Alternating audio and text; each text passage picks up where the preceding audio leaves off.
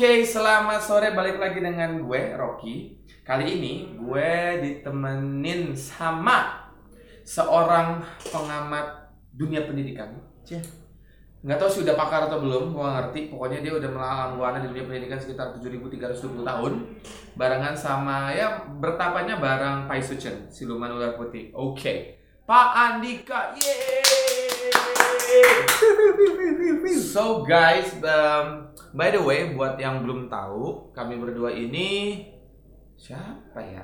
Well, I teach. He, he, uh, dia juga ngajar. Tapi kita berdua, kami berdua belum bisa menyebutkan nama sekolahnya karena belum tahu ini dia approve or enggak. Jadi ini untuk konsumsi pribadi. Oke. Uh, sengaja gue ngajakin Pandika, Pandika uh, berhubung kita berdua ini emang kerjanya di dunia pendidikan, gimana kalau kita bikin podcast yang ngebahas sekitar dunia ya pendidikan, pelatihan, ujung-ujungnya ntar ke dunia kerja. Otomatis kan memang anak-anak yang sedang kami ajar ini akan terjun ke masyarakat, akan e, melakukan apa yang kami lakukan saat ini, yaitu bekerja. Dan dia setuju, ya udah sekarang ini kita berada di sebuah ruangan yang Well, for me it's quite comfortable actually. Cuma dikelilingin kaca sih jadi agak echo gitu. Is it okay? Hmm, bukan echo sih, reverb, reverb. Ya itulah gua ngerti dia orang musik juga by the way. Gua ngerti belum terlalu ngerti perbedaan antara reverb dan echo. Buat gue sama aja gaung. Efek rumah kaca jadinya. Oke, okay, um, kan kita lihat Pak Andika um, belakangan ini, bukan belakangan ini, tapi lagi marak-maraknya gue belum melakukan research yang mendalam memang sih cuma semakin banyak jumlah sekolah yang mulai meninggalkan teori kalau di sekolah tuh mulai mengedepankan praktek. Jadi dulu kalau praktek oke okay, zamannya lu zamannya Ki Joko Bodo dulu Sunan Kalijaga itu um, persenan teori dan prakteknya kalau di sekolah itu berapa persen berapa persen? Kalau zaman dulu teori itu hampir ya, hampir hampir melingkupi dari semua kegiatan sekolah sih. Kalau boleh dibilang 80%, 80% lah. Itu teoritis banget. 20% itu hanya untuk ya kalau aku bilang sih sekolah-sekolah yang cukup beruntung ya. Cukup-cukup beruntung yang punya By the way lu uh, dulu uh, negeri or swasta? Kebetulan saya swasta sih, makanya itu aku bilang yang cukup beruntung sih gitu uh, kalau zaman dulu tuh memang orang-orang tuh lebih patokannya ke buku. Jadi kayak contohnya belajar tuh harus bawa buku di rumah harus punya buku. Bahkan ada kalanya olahraga juga lebih banyak teori kalau yeah. gurunya lagi malas ngajar kan? Itu paling boring sih teori olahraga. Maksudnya olahraga cuy emang olah emang olahraga gitu kan ya suruh kayak ngangkut semen gitu ngangkut pasir iya mengolah tubuh sih. iya mengolah tubuh tapi kan, kan maksudnya oh by the way untuk mengimbangi juga Pandika I will stop saying gue lu I will I will start to say eh, apa namanya saya anda kamu or whatever. Um, apa namanya tapi kan Pandika sekarang kita masih ngomongin zaman zamannya you ya. Ya kalau gue kan masih muda right? Aku masih muda kayak masih 18 tahun gitu. Uh, I wish, I wish. Uh, itu. Ya by the way teman pengajar kami di di kaca lagi. Lagi dari ala ala lagi menggeliat-geliat menggeliat menggeliat ala ala penari ular gitu. Uh, olahraga nih di zamannya uh, you itu menurut you itu perlu nggak sih anak-anak kayak mengetahui luas lapangan. Itu juga dibahas pasti kan? Yeah. karena setiap ujian teori eh ujian ada dua kan? Dari dulu yeah. memang praktek, praktek kan, kalau olahraga. teori praktek dan teori. Nah kalau anak itu uh, let's say porsinya itu 90% praktek terus teorinya 10% bagaimana anak-anak itu bisa lulus dong? Pada saat mereka harus melakukan menjalani tes. Apa yang namanya itu? Tertulis. Ya teori.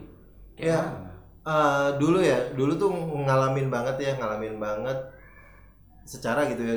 Dulu tuh aku tuh uh, basket iya bulu tangkis volley nah terus yang anehnya itu eh by the way ladies and gentlemen dia dulu di sekolah atlet uh, basket dan volley nah. jadi uh, jadi yang anehnya yang anehnya tuh waktu SD SMP ada dong. Itu apa ya? Salah satu pelajaran yang amat sangat bikin males adalah teori olahraga dan ada ulangannya. Ulangannya itu ada yang pilihan ganda dan itu loh apa dan esainya. Kebayang dong esainya harus gambar papan ring basket dengan segala ukurannya. Terus maksudnya maksudnya, jadi kan kan kita kan cita-citanya mau jadi olahragawan ya bukan jadi pengrajin itu gitu kan bukan jadi yang Tapi kan it's basic knowledge untuk tahu uh, measurement untuk buat apa? size whatever whatever. jatuhnya gini mungkin kalau kalau sekarang gitu ya secara cerdas gitu ya oh kalau papan basket panjangnya segini terus dihitung pakai logaritma gitu sin cos tangannya jadi kalau sudutnya gini pasti masuk gitu. Terus emang ada gitu ukuran? Apa ya kayak rumus pastinya gitu nih eh, kita dari sudut angle sini berapa derajat dengan kekuatan berapa joule gitu. Terus kita melepaskan apa bola eh, bola basketnya terus dengan leng- lengkungan parabola gitu terus. Kan enggak terus buat apa kita harus intinya kan gini main main basket adalah masukin bola kan ke keranjang. Yep. ya kalau kata Iwake masukkan bola ke eh, dong basket dong basket Masukkan bola ke dalam Keranjang. keranjang. Eh, ya. ya gitu kan Kawan umur. nah terus habis itu fungsinya apa kita disuruh gambar lapangan basket kan kita nggak mungkin maksudnya kita lari-lari kan pada saat itu kita lari terus kita langsung ngukur gitu eh berapa jengkal nih berapa ini Maksudnya ya, ya let's say berarti memang eh, teori teori memang penting tapi seadanya aja gitu. Seperti eh, tentu misalkan eh, apa namanya? Wait, eh, misalkan sekolah pendidikan olahraga nih dia mau jadi guru misalkan. Terus nanti ada orang tua murid nanya, Pak, emang kalau ukuran ini biasanya berapa sih Pak? Uh, lapangan bola dan lap- eh, lapangan sepak bola, lapangan futsal bedanya apa Pak? Gini-gini, ntar kalau nggak bisa jawab gimana? Kan kita warna kelihatan on-nya dong. Nggak perlu harus dijawab kan gitu bu kalau futsal sama bola udah pasti beda dong. Bola itu panjangnya segitu tuh sestadion. Makanya itu ada stadion GBK. Nggak ada futsal di GBK gitu kan? Logikanya kan se- sederhana aja gitu. Jadi kayak contohnya gini. Bu eh pak eh, tolong ya saya ini anak-anak saya mau bikin ini nih bikin ring basket. Oh ya mesen aja bu. Bukan saya juga kan? Bukan anaknya juga yang suruh bikin kan Ya iya, hanya eh, mungkin perlu juga lah, maksudnya pengalaman-pengalaman standar lah. Kan nggak lucu juga kalau memang olahraga pure-nya itu praktek, pasti ada teori walaupun sedikit. Oke Nah, deh. Seperti misalkan eh, lagi ada apa namanya yang grup gitu segala macam pertolongan pertamanya kayak bagaimana Nah, mungkin. itu beda lagi Juga. Dan basically sih memang kalau bagian part yang praktek misalkan apa tuh namanya basket, cara ngoper pakai tangan apa apa apa itu penting gak sih? kalau itu mah penting maksudnya Tapi kayak seiring berjalannya ini ya, iya kayak pasti orang kalau praktisi gitu bola emang sering main basket atau atlet pasti udah langsung connect kan. Jadi langsung connect. teori bisa dihasilkan dari praktek, gitu Iya. kan? ya contohnya gini deh catur gitu kan ya catur ya mau nggak mau eh, kita harus bela- harus belajar teorinya which is yang rulesnya gitu kan how to play the games gitu kan oke lah gitu kan teorinya kayak apa mainan kartu yang bridge itu loh ya bahkan gapleh aja kita ada teorinya kan teori gapleh gimana cuman pada pada intinya kan apa yang kita serap dari teori itu cuma cuma kepake cuma berapa persen dalam itu gitu Jadi kalau memang diserupnya juga ujung-ujungnya cuma dikit, ya mending gak usah banyak-banyak gitu kan? ya mendingan yang yang yang general aja yang umum Iya gitu yang yang umum yang basic-basicnya Iya. aja. Eh, Oke itu olahraga enak, maksudnya argumennya memang masih panjang lah kita bisa argumenkan karena memang itu pelajaran praktek gitu. Hmm. Bagaimana dengan contohnya zaman you dulu, maksud zaman saya karena saya masih 18 tahun, Eh, misalkan sejarah penting nggak untuk juga praktek ada di situ? Bahas sejarah prakteknya apa? Perang-perangan. time, time travel kali, bikin portal gitu. Ya nggak mungkin lah. Oke, in general, berarti kalau eh, secara umum memang penting adanya praktek.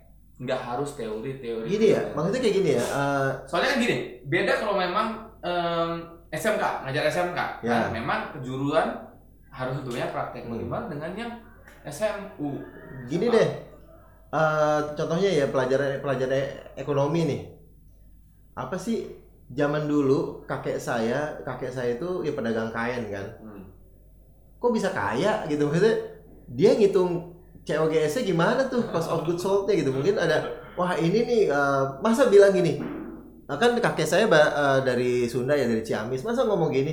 Nini nini iya teh fixed cost ya. Tah nu eta variable cost tah. Jadi mun orang ngitung kudu kieu kieu kieu kieu masa kudu gitu kan? Nggak mungkin kan? Jadi itu ya aku eh, yang aku bilang tadi juga memang teori itu kan banyak keluar dari praktek kan. Jadi pengalaman. iya peng- pengalaman ditulis gitu. Mungkin terus mereka mencoba membuat sedikit-sedikit formula-formula gitu yang mungkin niatnya memudahkan. Tapi nggak mudah juga Ya. memformulakan praktek gitu loh Zaman sekarang sekolah banyak yang salah paham kalau kupikir. Jadi anak itu dinilai cerdas lewat hafalan. Ya kan? Otomatis kalau bisa jawab eh apa namanya? banyak sekali pertanyaan, Hmm. nilainya semua 9,9 99 itu pintar buat anak-anak yang hanya bisa olahraga atau bisa nyanyi saja atau hanya bisa perkusi saja itu dikatakan tidak pintar. Iya. Ya, ya kan? itu. Jadi jadi em, apa tuh? Sekolah banyak mengajarkan teori terus teori teori teori prakteknya kapan? Ya hasil eh, akhirnya mereka menghasilkan para penghamba nilai nem gitu loh. Ya. Yang apa? Ya kebayang dong maksudnya eh, beberapa murid saya dulu kalau udah kelas 12 nih apa ya? Itu nih ya eh, mungkin eh, yang de- eh, yang dengar-dengar ya eh, yang dengar pernah dengar statement basi gini kita putus ya kita break dulu karena kita mau siap-siap UN. What? Apa? Itu apa? Seolah-olah mereka belajar 24 jam gitu ya. Apa banget ya? Ya kita break dulu ya kita kita persiapan UN. Apa itu? Ya orang pacaran pacaran aja belajar belajar aja ah, bukannya saya setuju dengan perpacaran tapi minimal itu logika dari mana dan dapat dari mana? Pasti ada pasti ada satu orang yang mengidekan gitu kan mengidekan oh ini lu kalau mau lulus nem eh lulus SMA nemnya bagus lu stop pacaran lu. Apa dah?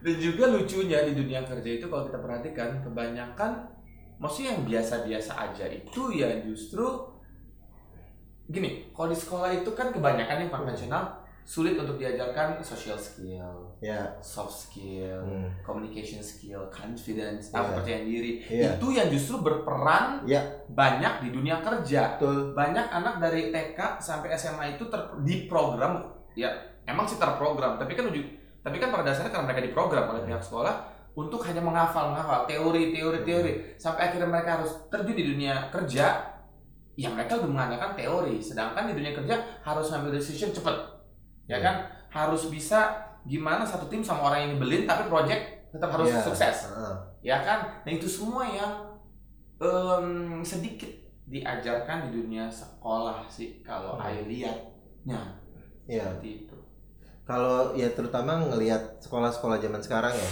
Kalau dulu zaman ya zaman ya tahun 90-an gitu ya.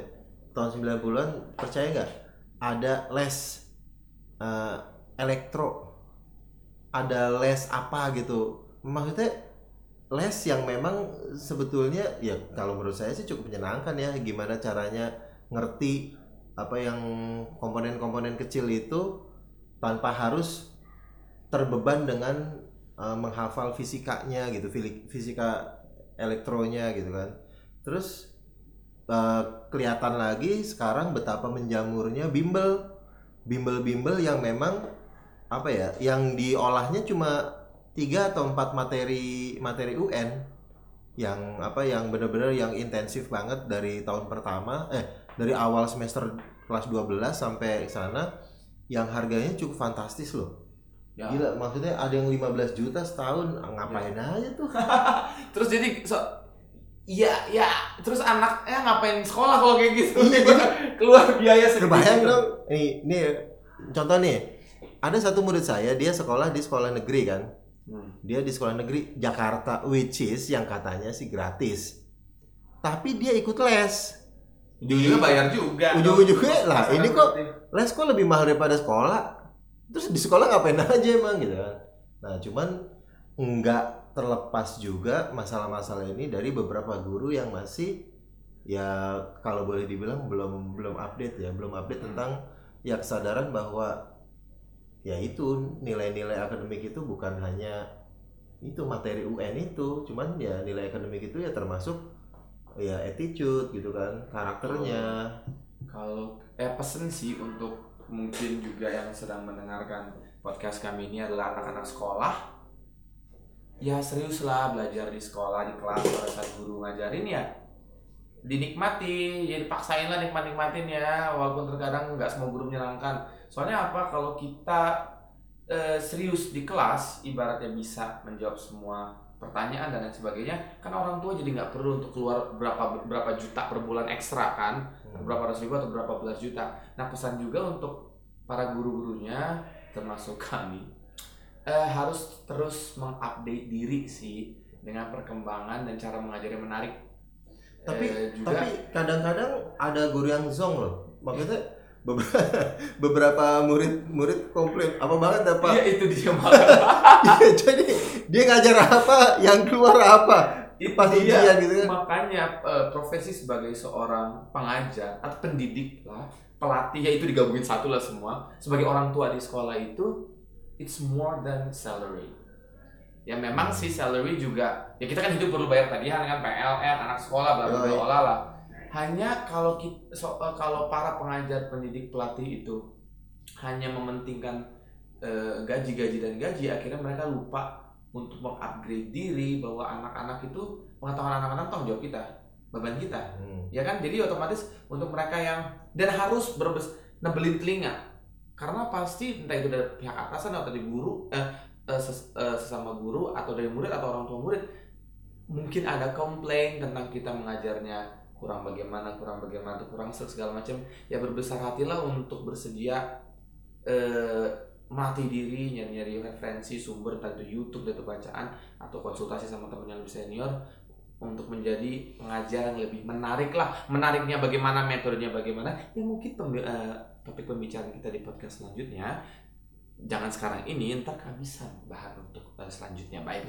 Eh, juga un- eh, pihak sekolah termasuk ya eh, semua stakeholders di sekolah yang terutama masih konvensional cobalah untuk berpikir kok kebanyakan bisnismen bisnismen sukses zaman dulu enggak terlalu belajar teori dibandingin mahasiswa-mahasiswa atau siswa yang sekarang ini kan siswa-siswa sekarang ini toh mereka sukses emang mereka kayak you sebut tadi yang Aing nggak ngerti itu istilahnya apa bisnis itu kan ada namanya eh, apa namanya itu variable cost apa itu Iya. kayak gitu-gitu bla bla bla bla bla bla bla tanpa mengerti itu nenekku dulu di Pontianak ya sukses dengan pabrik apanya biskuitnya dengan toko emasnya Hmm. dan lain sebagainya Iya. ya kan ya walaupun akhirnya teori juga tercipta dari mereka-mereka yang sudah sukses kan Hmm. Nah, jadi kita temukan term baru bla bla bla topik selanjutnya pembicaraan. Maksudnya ada eh, kami berbicara ini adalah dari situ sekolah akan berpikir apakah akan porsi teori itu lebih banyak daripada praktek.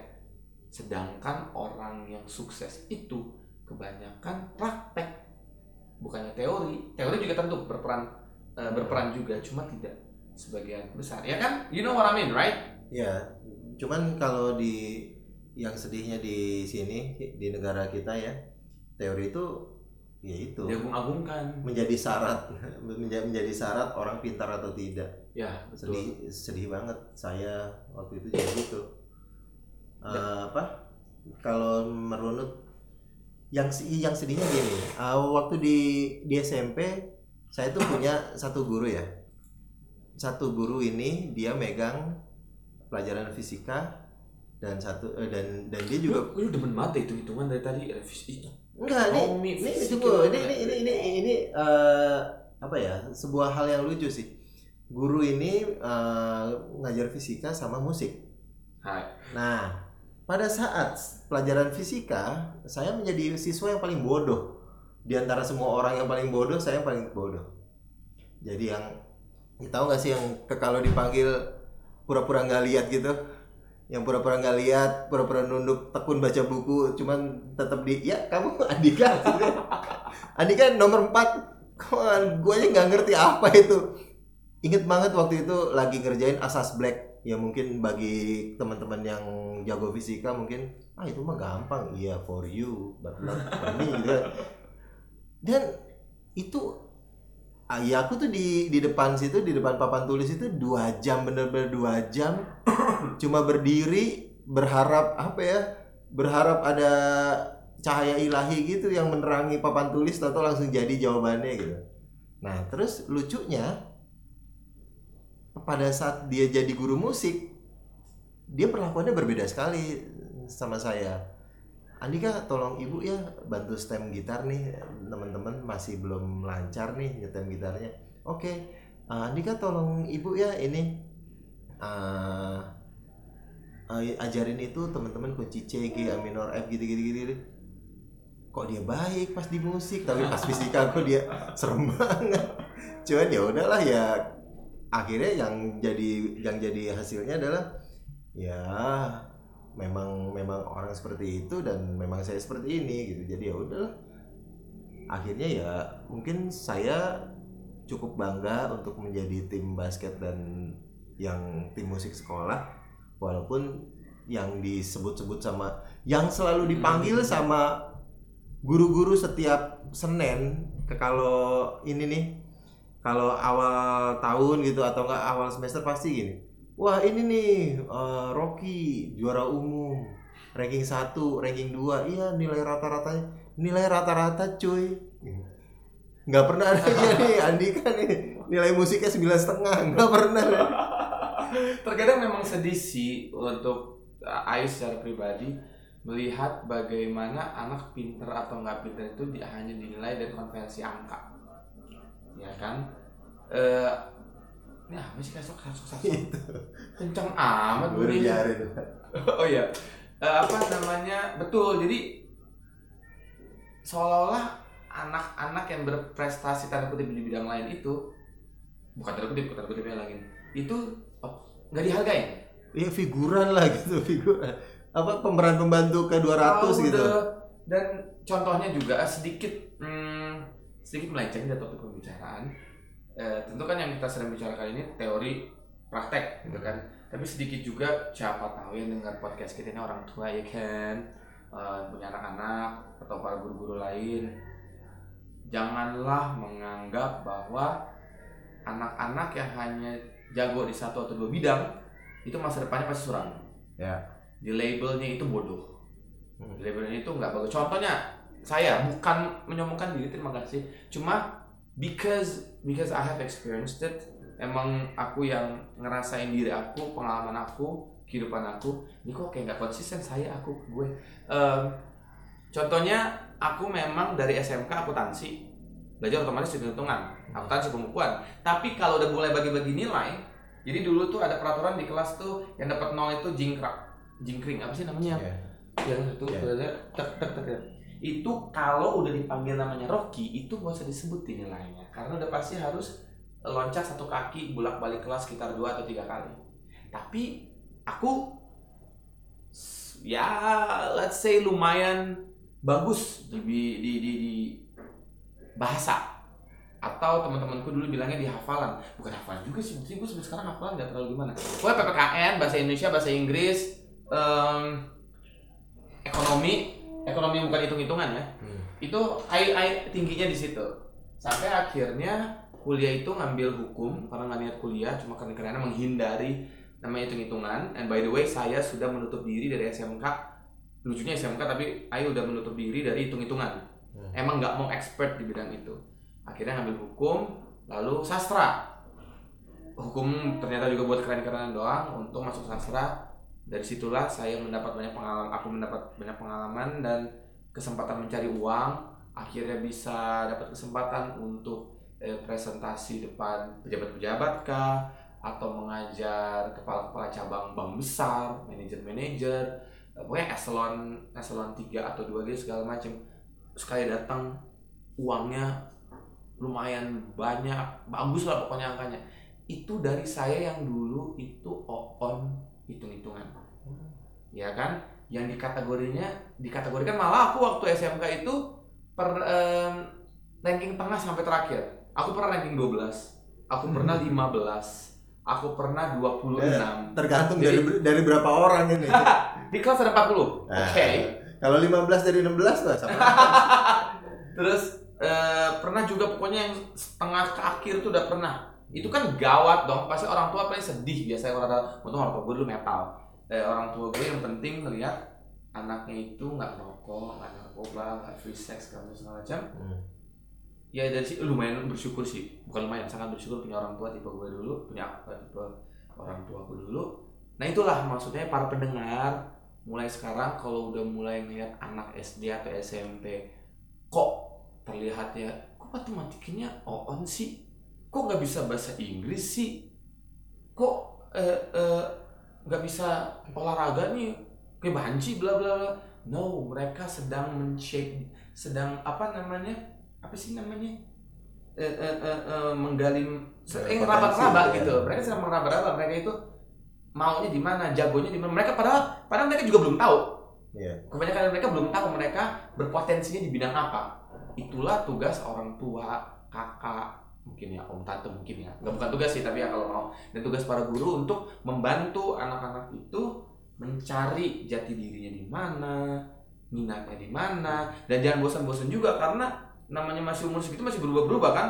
Iya. pengen jadi ini eh kita pengen jadi itu. Terus kita di katanya mau jadi musisi. Diajarin musik mulu akhirnya malah pengen jadi dokter. Ke lab mulu. Ah nggak konsisten nih bla bla. bukan gitu. Usia mereka memang masih bolak balik bolak balik so just chill. Oke deh. Eh, berhubung ini juga udah jam segini Pak Andika kok nggak enak banget penutupnya main loncat gini Tahu, banget. baru 27 menit. Pak. baru 27 menit dong. Kan saya juga Nggak. tidak sabar ingin mendengar kualitas Eh. pembicaraan kita. Satu lagi hal yang yang apa ya yang pengen banget disampaikan tuh. Semua semua sekolah meng- a- mengadopsi apa ya ed, ed multiple intelligence kalau nggak salah. Yang mungkin sekarang udah nambah jadi 9 kalau nggak salah yaitu salah satunya ada yang musikal ada yang logical naturalis ada intrapersonal ekstrapersonal linguistik bla bla bla. Tapi yang yang mereka tuh kayak berkhianat gitu gak sih? Kayak apa sih? Kayak pilih kasih gitu loh. Yang logical yang dinilai. Wah ini matematika cakep nih. Linguistik apaan sih? Lu bisa bahasa Inggris aja sombong. Lah bukan bisa bahasa Inggris aja sombong gitu kan? Terus udah gitu eh, apa yang yang ini, ini contohnya gini satu hal saya yakin banget saya punya punya murid yang kelasnya salah. Jadi murid-murid saya yang kinestetik itu sebetulnya kelasnya itu di lapangan bukan di dalam kelas. Nah sekarang yang di sekolah konvensional deh coba deh ayo deh jujur-jujuran semua guru. Pasti kalau jam istirahat ngeliat muridnya belajar pasti kalian gembira. Kamu anak baik mamen. Kamu belajar wah kamu pasti sukses Tapi mereka yang pecicilan di lapangan, Nah, teriak-teriak lempar-lemparan bola. Nah, di saat mereka yang teman-teman saya ini yang kinestetik, mereka sedang belajar di luar lapangan, eh, di di luar kelas ya. Mereka guling-guling di lapangan, terus udah gitu. Begitu sampai di dalam kelas, mereka masih belajar dalam tanda kutip ya. Belajar kinestetik. Kalian nih nggak bisa diem, main bola terus kerjaannya. What? Kayak gitu loh. Kebayang dong betapa tidak adilnya sekolah yang mau untuk untuk kaum kami itu untuk, Kaum kaum ya kaum kami lah. Ya bis gimana? Di saat gini deh. Sekali-kali orang pinter itu sama orang yang kinestetik suruh camping deh. Ayo kita kita adu di Iya. situ. Dan itu juga sih memang yang bersyukur sih untuk saat ini kami berdua ini sedang tergabung di sebuah institusi sekolah intinya formal. Ya anaknya belajar dulu Enggak. Justru kami eh, sekolah kami tidak me- ada ada satu cerita lucu nanti se- segmen berikutnya Pak. Dan ini udah mau 30 menit nih. Oh, iya. Orang juga bosan dengerin kita kebanyakan. Eh, sekaligus ini pesan jadi udah cukup ya ini pada pesan penutup juga, dan kami bekerja di, buat- di sebuah sekolah di mana eh, nilai akademik itu bukan segala-galanya. Kami melihat bagaimana juga membantu men-shape kejujuran mereka, tanggung jawab, terus bonum apa namanya? bonum a- attitude, terus itu nilai bonum ya behavior, teman-teman bagaimana memecahkan eh, suatu problem atau baikan dengan temannya yang lagi eh, selek-selekan. Nah itu juga tolong diingat selalu. Kebanyakan itu yang menjadi faktor penentu sukses enggaknya di kerjaan nanti terus juga ya tambahin satu kalau tanpa yang satu itu enggak di fulcrumnya juga jangan lupa. Maksudnya kayak apa sih? Bonum dan fulcrum itu wajib. Oh, ya, iya, iya. jadi fulcrum itu kayak apa ya? Kayak self actualization itu. Ah jadi kayak ya itu itu, itu, uniknya itu. kamu dalam Iya. dalam main bola ya. Kayak kamu melata gitu. Ah. main bolanya tiara apa bagaimana kan itu kan keren gitu. Dan jangan khawatir zaman sekarang itu hobi apa pun asal eh, caranya benar niatnya benar kerja kerasnya benar jujurnya benar itu bisa jadiin duit kok. Jadi nggak usah khawatir sama anak yang kok nilai matematikanya fisikanya 6 mulu jeblok tapi cuma bisa kerjaannya ngegambar ngegambar mulu. Lah siapa tahu ntar lukisannya dia atau komiknya dia menghasil memberikan dia uang per bulan pendapatan Nah, puluhan itu itu pasti juta. yang yang ngomong gitu juga nonton Marvel kan? Nah itu dia kocaknya Mikirlah mikir kalian yang hanya menjudge anak-anak itu bodoh Karena kebanyak eh, banyak subjek lainnya dia nggak mampu. Enggak juga cuy. Emang yang ngebangun gedung sekolah yang sedang kami tempati ini Emang ahli biologis semua? Emang itu yang bikin kolam renang itu semua asli fisikawan semua? Emang itu film-film Marvel Terus segala macam bla bla bla bla itu emang bukan para artis-artis luar biasa. Semua bisa dijadiin duit cuy zaman sekarang. Asal Ya. be jujur nggak boleh lupain Tuhan malah harus melayani Tuhan Yes. satu. dan itu maksudnya I'm sorry but the thing is eh orang tua guru-guru kakak-kakak nggak usah khawatir anak-anak kecil itu sedang shape diri mereka Iya. Sedang belajar untuk apa ya menambah ini kan amunisi mereka juga ya mengupgrade ya. kalau bahasa gamenya tuh digangguin lagi ya kalau bahasa gamenya tuh dia tahu weaponnya dia tuh apa gitu settingannya tuh nah dia lagi mengupgrade weaponnya dia aja dengan cara apa nyobain weapon weapon yang lain kayak gitu gitu loh jadi kesannya kayak sayang freak game Oke, terima kasih untuk para pendengar. Saya, em, Ai belum nentuin nih eh, pendengarku namanya apa. Kalau di podcast pertama nama Haluers, tapi jangan dong, ya konotatif.